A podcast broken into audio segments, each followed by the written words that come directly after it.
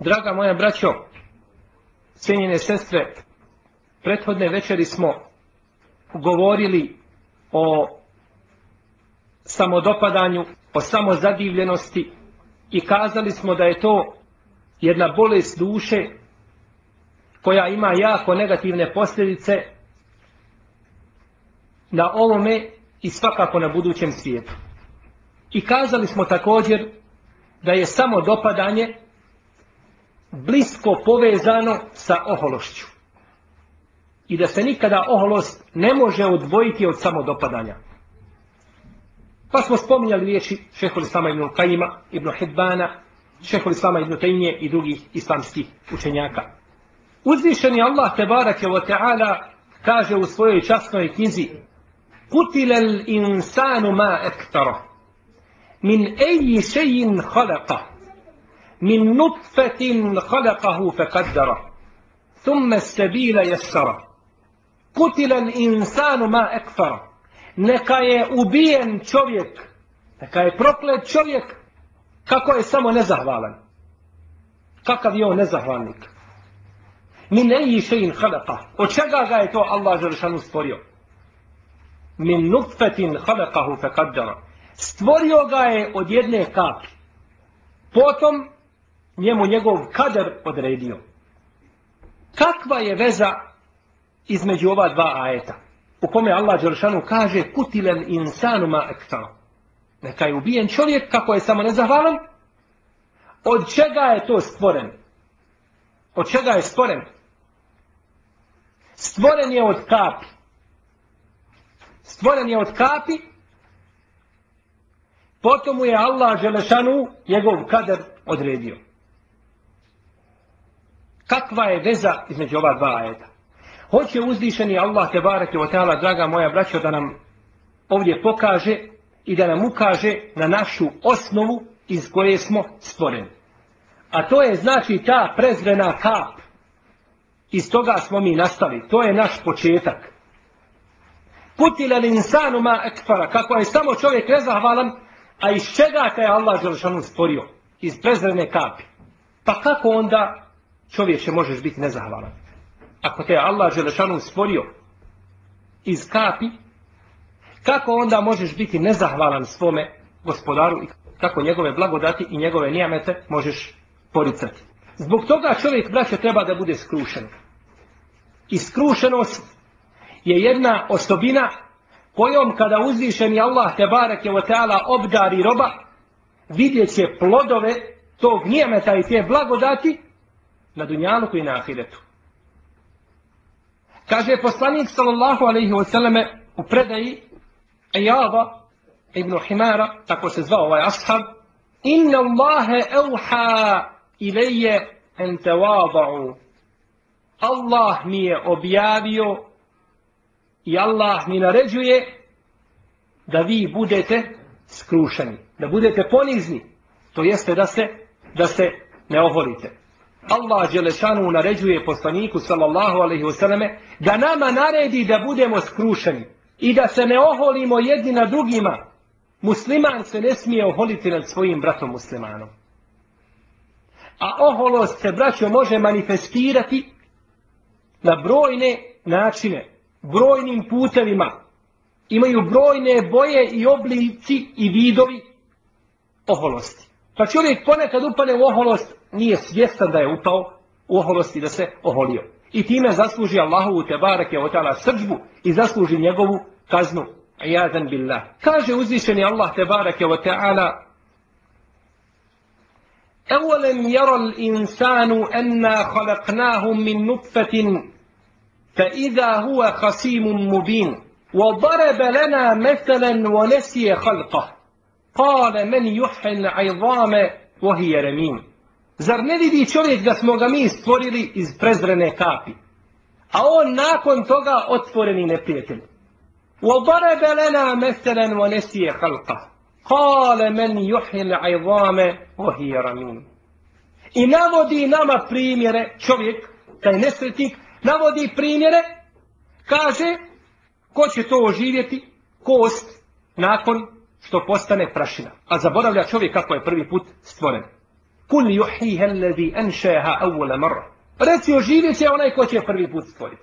Ovi ajeti iz sure Yasin objavljeni su povodom slučaja koga je zabilježio imam El Bejheqi u svome dijelu El Ba'at, Ibn Mardawaj, imam El Hakim u svome Mustadreku, imam El Dijaj Maqdisi u svome dijelu El Hadithu Muhtara, Ibn Munzir i brojni drugi. Od Al-Asa Ibn Vaila Esehmija, kaže Ibn Abbas, došao je Al-As kod poslanika sallallahu alaihi wa sallame, a u njegovoj ruci je, kaže, bila jedna suha kost. Pa je kazao, o Muhammede, zar ti, kaže, vjeruješ da će Allah ovo oživjeti nakon što je prašina postalo i potom u svojoj ruci tu kost mrdio? Pa iz njegove ruke izlazila samo prašina. Zar vjeruješ da će, kaže, ovo Allah živjeti ponovo? Pa je kazao poslanik, sallallahu alaihi vseleme, odgovorom, odgovor mu dao, od Allaha Želešanu nadahnut. Kaže, jeste. To će Allah, kaže, po drugi put proživjeti. I tebe će Allah usmrtiti i ponovo te proživjeti i u vatru te žehennemsku uvesti. Pa je povodom ovoga slučaja uzvišen je Allah te barake otala objavio ovaj ajet. Navodiš Allahu primjer kako će to Allah učiniti, a zaboravio si kako je to Allah Želešanu i da je to Allah Želešanu prvi put učinio. Pa drugo stvaranje I ponovo izvođenje je lakše nego prvo, a Allahu je sve lahko. Ništa Allahu nije teško. Pa gdje je logika? Logički kada bi se gledale stvari, onda bi prvo stvaranje bilo teže, jer nije čovjek stvoren, znači, iz ničega. Nepostojanje. A Allahu Đelešanu je to sve jednostavno sa riječima kun fe je kun. Budi znači i ono biva. Kaže Al-Hasan Al-Basri kako bilježi Ibnu Ebi Dunja u svome dijelu, zemul kibr, pogrda, oholosti, kaže, čudim se čovjeku, kaže, koji se oholi nad ljudima i oholi se nad Allahom Đelešanu, a on kaže svaki dan sa svoga tijela briše dva ili više puta najveće oblike nečisti. Sa svoga tijela svaki čovjek mora brisati najveće oblike nečisti, dva ili tri puta, dnevno ili više, i opet nakon toga čovjek, kako se onda možeš oholiti? Kako te nije sramota da se oholiš? Pogledajte, braćo, čovjeka, kako je to biće. I pogledajte do kakvog sebe čovjek stepena dovodi.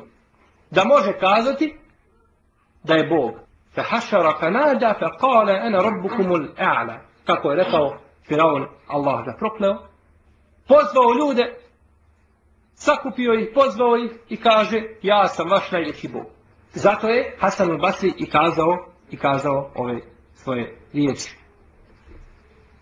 Zato, draga moja braćo, kada duša nekoga od nas pozove ga da bude ohol prema svome bratu muslimanu, da ga vrijeđa, da ga ponižava, da ga potvara, da o njemu govori ono što ne priliči da govoriš o svome bratu muslimanu, onda neka se sjeti šta je i ko je neka se sjeti odakle je nastao.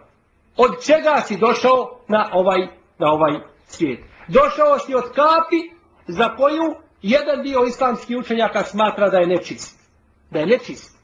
Od nečisti si postao, po mišljenju jednog dijela učenjaka, iako je ispravno inša Allah da je to čisto, no međutim, jedan dio naših pravnika, da se Allah smiluje svima njima, smatra da je čovjek znači nastao iz te nečiste kapi. Kaže Yunus ibn Ubejd el-Abdi, jedan poznati tabin koji je umro 139. hijđarske godine, znači on je od skupine onih poznih tabina. Kaže, Erfa'u ma je kunu la abdu inda Allah, eudau ma je kunu fi nefsihi. Wa ahtaru ma yakunu inda Allah, erfa'u ma yakunu inda nefsihi. Kaže, ovaj islamski učenjak i tabin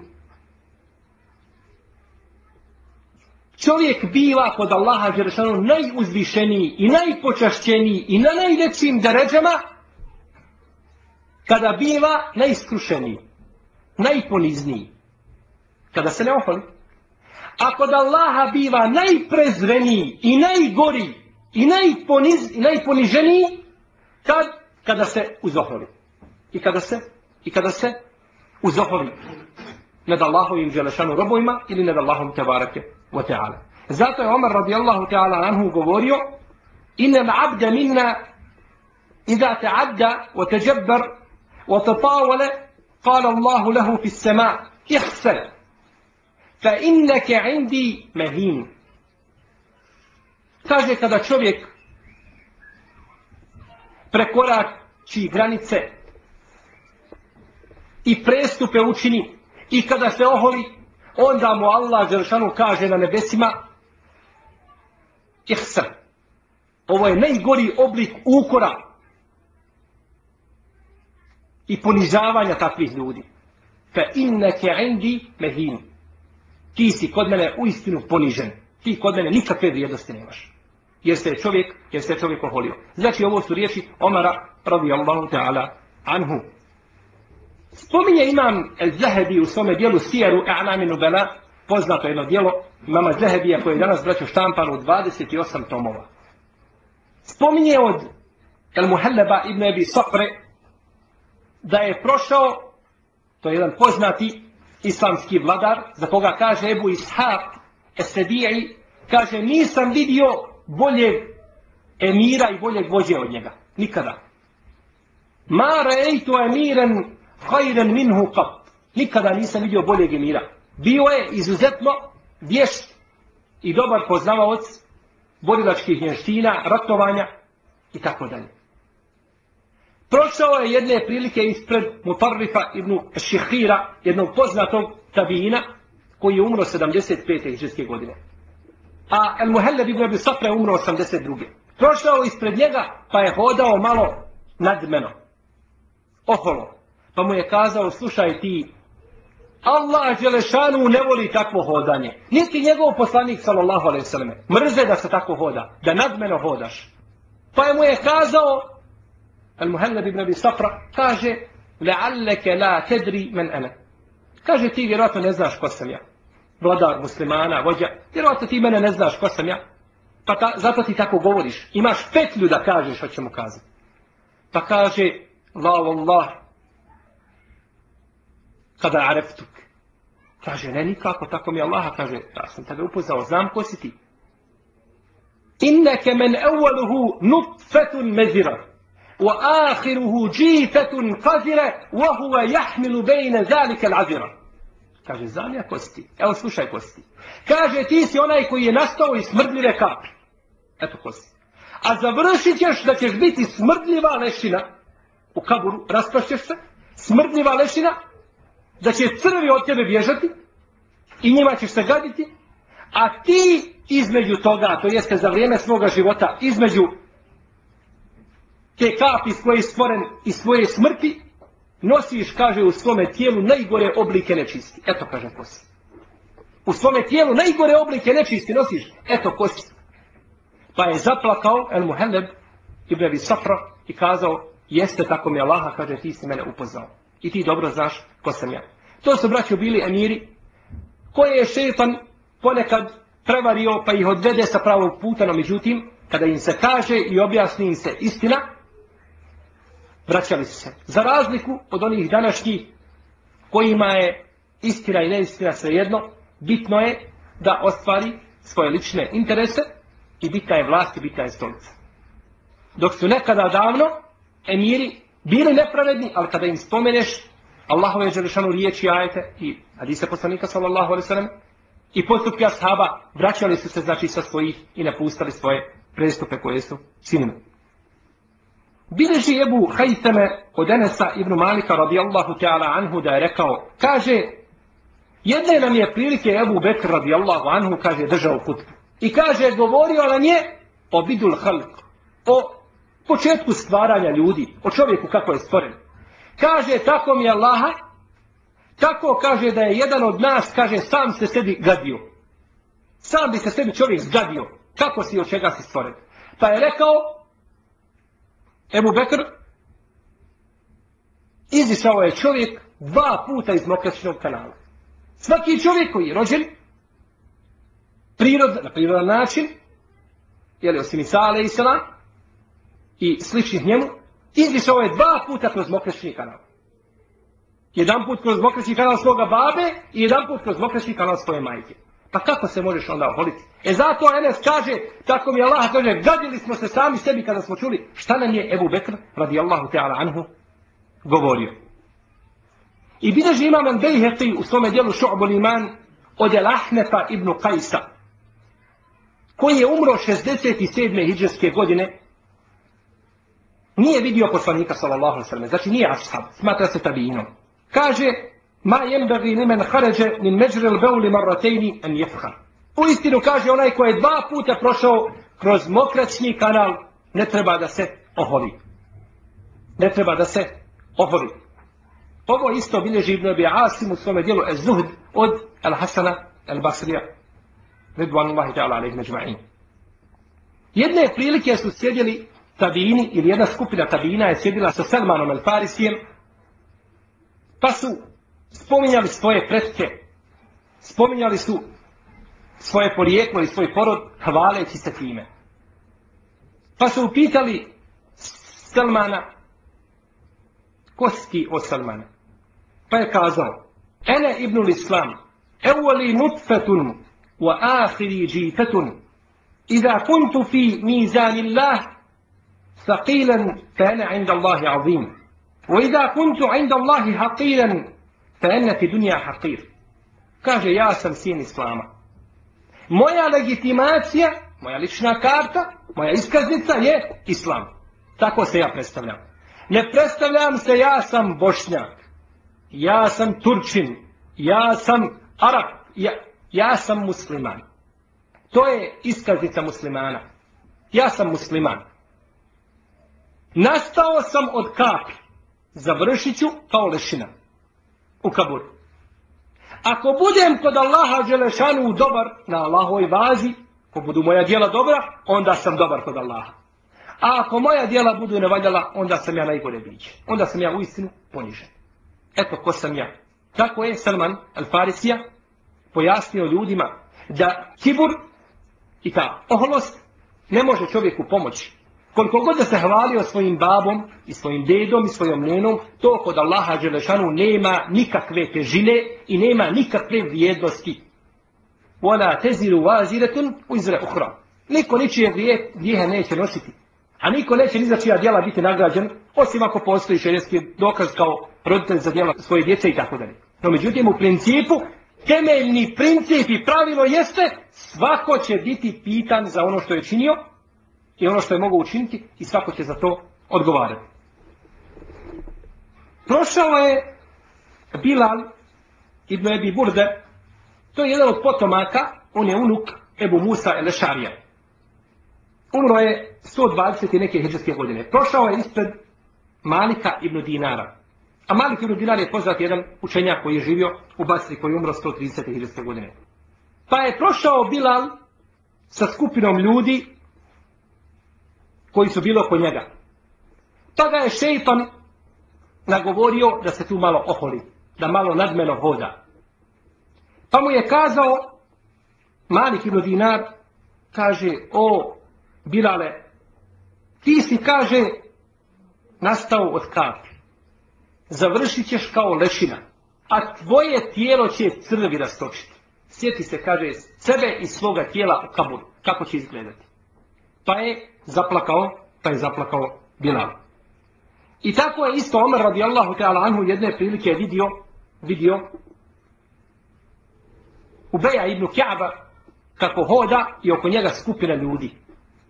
Pitaju ga tabinu, pitaju pitanja i hoće da čuju jer je Ubej ibn Kjab uzimao Kur'an od poslanika sallallahu sallam bio jedan od najučenijih ashaba u Keraetu, pa su htjeli da čuju pa je Omer radijallahu anhu pritrčao i udarao ih svojim štapom. I raspirao ih sviju. Kaže, to je fitnet. Oni tebe stavljaju na fitnet. Oni tebe dižu na mjesto koje ti ne pripada. Dajete čovjeku mjesto i hoćete ga dići i natjerati ga da se, da se oholi. Pa ih je raspirao svojim štapom. Draga moja braćo, kada bismo pogledali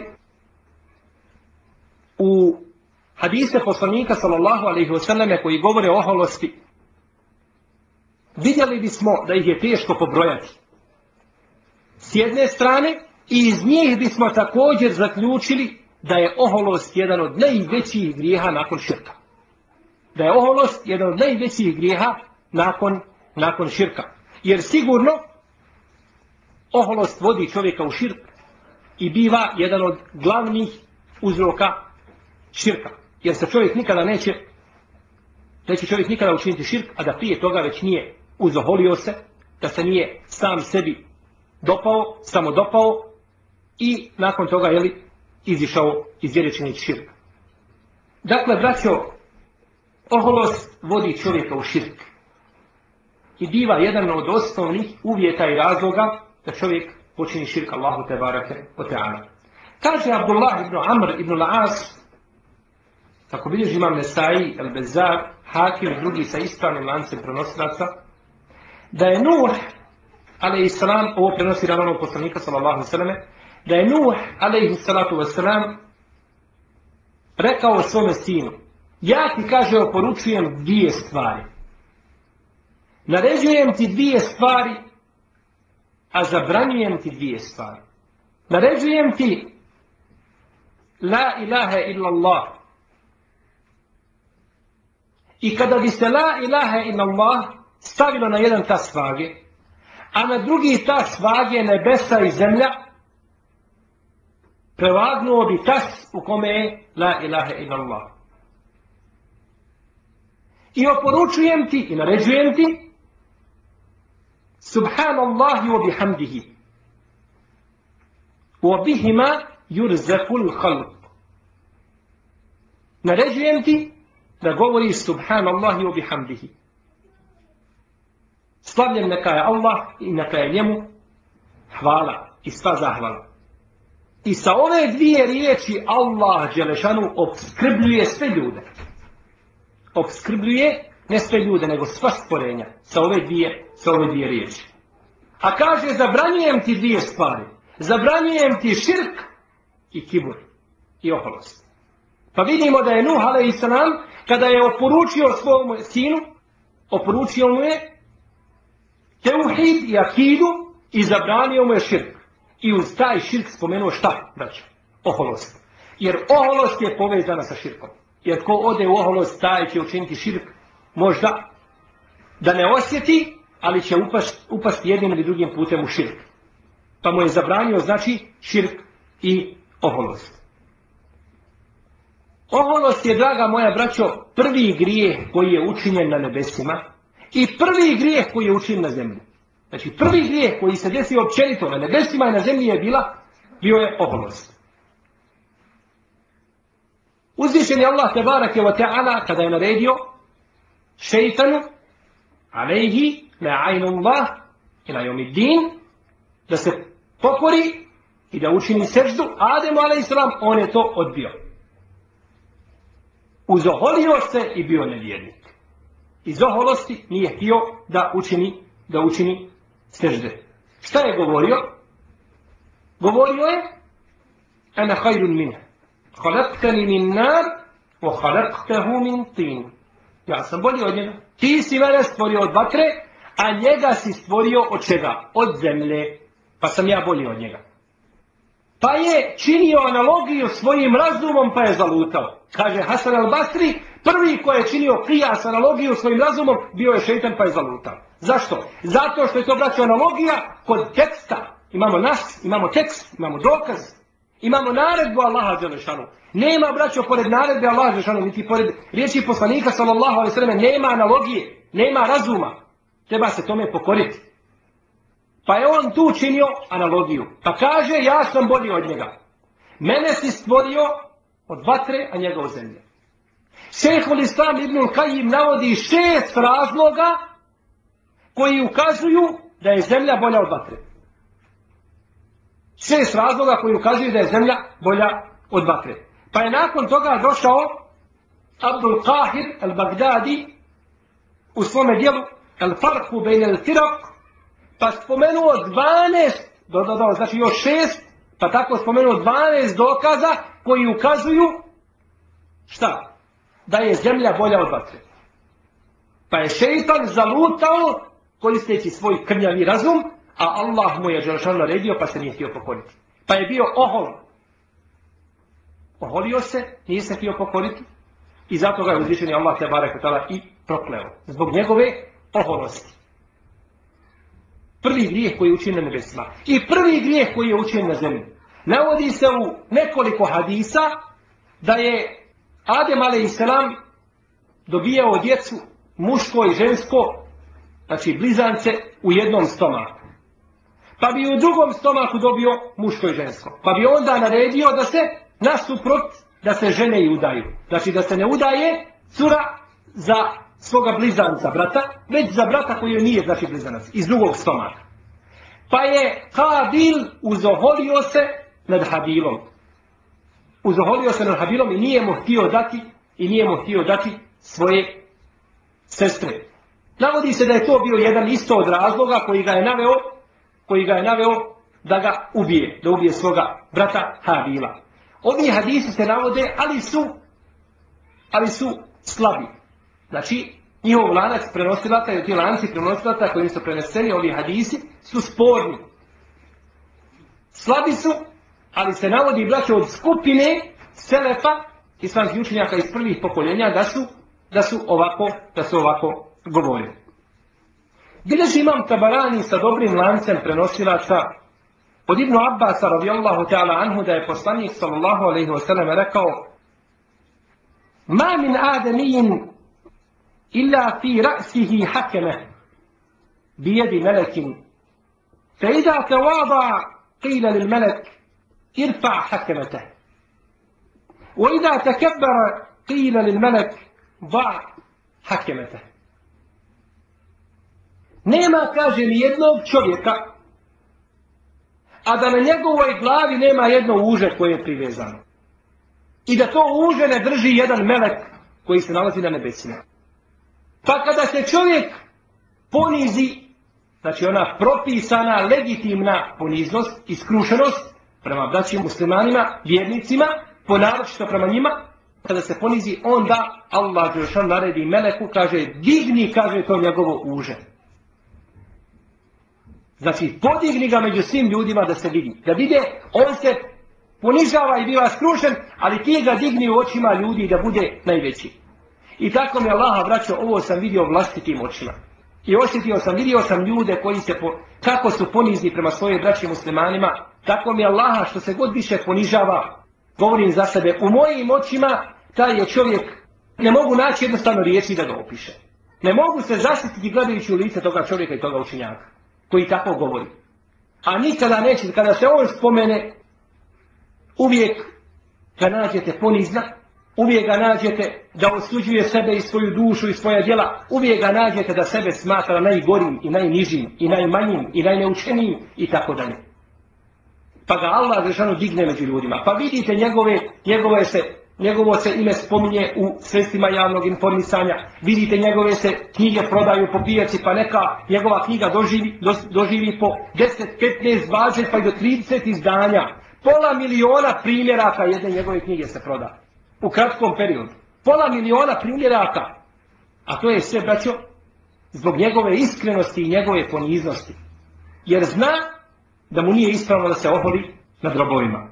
Znači, kada biva ponizan, onda Allah Đelešan naredi Meleku da digne to uže.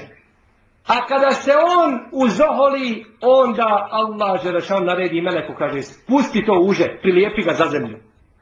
Tako da ga nema. Da ga nema. Navodi se u pojedinim hadisima da će ljudi koji budu oholnici na sudnjem danu biti proživljeni kao atomi. Kao sitne one golušice, pa da će i ljudi gaziti nogama.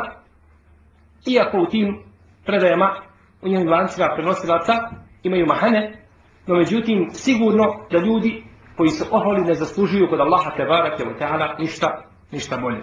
Drži vam Tirmizi, Tabarani, Ibn Hibban i drugi sa dobrim lancem prenosilaca, kako kaže imame Tirmizi, od Džabira ibn Abdillaha radijallahu ta'ala anhu da je poslanik sallallahu alaihi wa sallam rekao najdraži meni čovjek i onaj koji će biti u mome društvu najbliži meni jeste čovjek koji je najljepšeg huluka i najljepšeg ponašanja. Koji se najljepše ponaša. A najmrže biće meni i najdalje od mene na sudnjem danu biće Ester Tarun El mutešeddiqun, el mutefejhifun.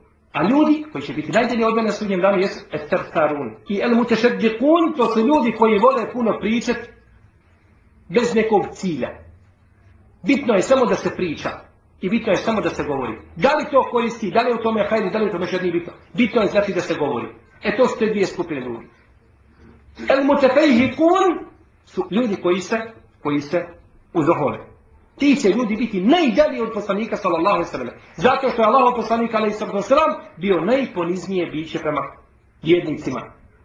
I najljepše kunuka kako ga Allah te bareke u opisuje u svojoj časnoj svojoj časnoj knjizi. Kaže Steuban, radijallahu anhu, da je poslanik sallallahu alejhi ve sellem rekao čija duša iziđe iz tijela, a on čist od tri stvari ući će u džennet. A hadis bilježi Ma Mahmed Tirmizi, no Hibban i drugi sa vjerodostojnim lancem prenosilaca.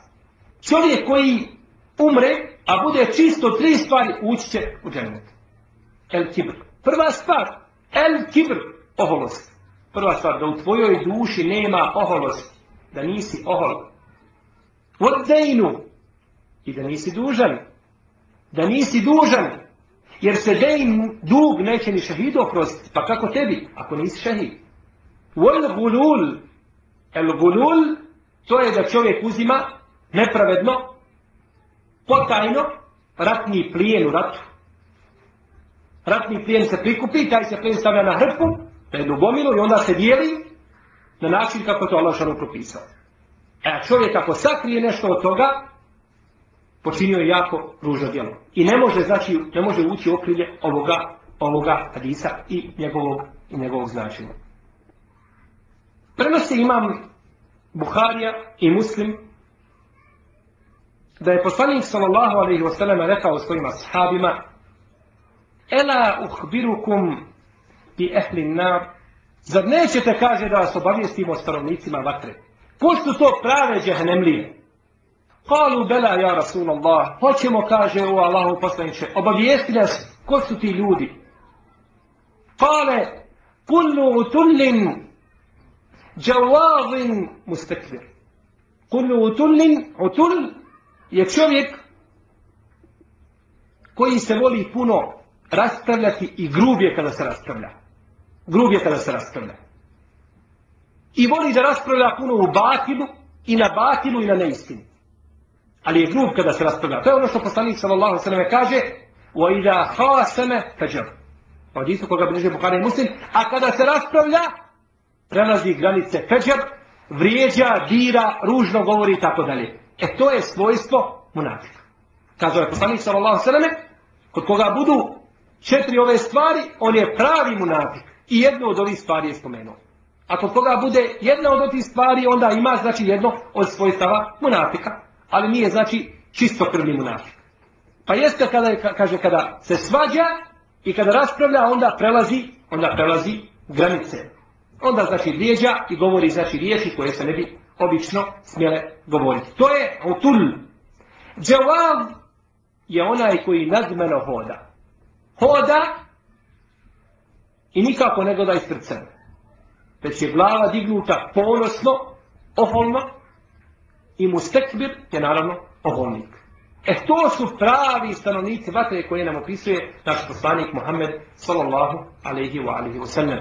Bileži imam Ebu Jala u svome musnadu od Kurejba ibn Abi Muslima kaže Jednoga dana sam, kaže, vodio Ibn Abbasa kroz medinske sokake. Dok nismo, kaže, došli u jedan sokak koji se zove sokak Ebu Leheba. Pa je Ibn Abbas rekao Kurejbu Ibn Abi Muslimu, kaže, jesmo li došli do tog i tog mjesta? Kaže, jesmo. Kaže, stani. Pa sam, kaže, zastao. A Ibn Abbas je braćo bio slijep. On je pod kraj svoga života oslijepio. Kaže, jesmo li došli do tog, tog mjesta? Kaže, jesmo. Kaže, stani. Pričao mi je, kaže moj babo, da je išao sa poslanikom, sallallahu alaihi sallam, kroz medijske sokave. I da su došli, kaže, do ovoga mjesta gdje smo sada ja i ti. Pa im je, kaže, prišao čovjek, prišao im je čovjek koji je, kaže, hodao nadmeno, koji je ulizao svoju kosu i bio zadivljen svojom kosom, i svojim ogrtačem i ponosno je oholo hodao. kaže pa se ispod njega zemlja otvorila, fehuva je te želđelu fiha ila jomil qiyama. Pa kaže on se u toj zemlji prevrće i u nju propada sve do sudnjeg dana. Prevrće se u toj zemlji i propada sve do, sve do sudnjega dana. Ova predaja, braćo, nije vjerodostojnog lanca prenosilaca.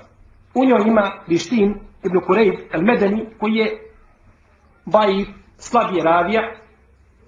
No međutim, ovaj hadis se prenosi kod Buharije i muslima od Ebu Hureyre da je poslanik sallallahu alaihi wa sallam rekao bio je, kaže, jedan čovjek u rivajetu kod muslima, u njegovoj verziji kaže, od onih koji su bili prije vas, znači nije iz našeg ummeta, nego od onih koji su bili prije nas, bio je čovjek koji je, kaže, nadmeno hodao, diveći se svome ogrtaču, svojoj odjeći, pa je Allah Đelešanu otvorio zemlju ispod njega, pa ga je zemlja progutala. Pa ga je zemlja progutala. Kahuva je te dželđelu fiha ila jeomil qiyama.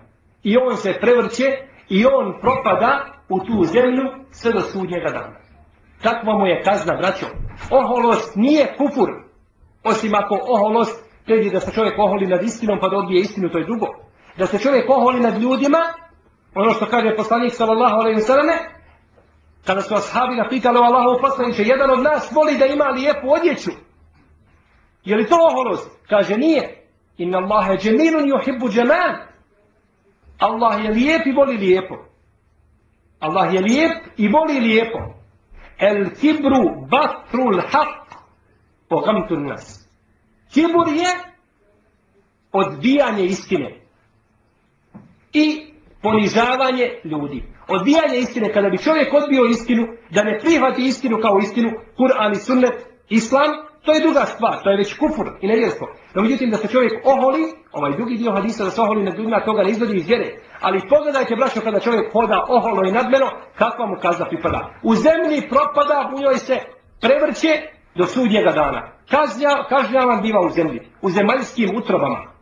Sjetite se vulkana koje gledamo, koje izlaze. Kakva je to patnja tome čovjeku? Do sudnjega dana. A nakon toga, kada nastupi sudnji dan, bit će uveden u pravu kaznu. Pa će vidjeti da ono što je kažnjavan na Dunjaluku, da to nije ništa u odnosu na ono čime će biti kažnjavan nakon, nakon toga.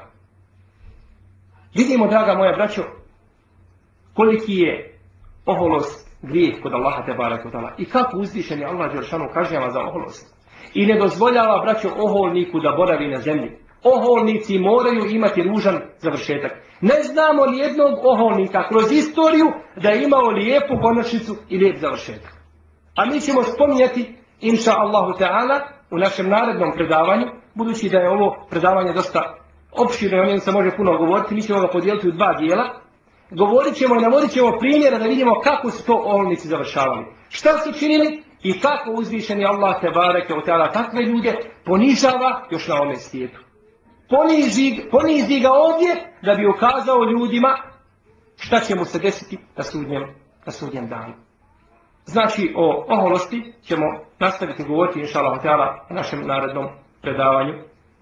Do tada molim uzvišenog Allaha, Allaha te bareke da nas pouči naše vjeri, da nas sačuva zla, da nas sačuva oholosti javne i tajne da nam najbolje muči naša zadnja djela, da nas učini od iskrenih mukmina, vjernika, radnika za islam i da pomogne nama ovu uzvišenu vjeru. Wa sallallahu ala nabina Muhammed wa ala alihi wa sahabi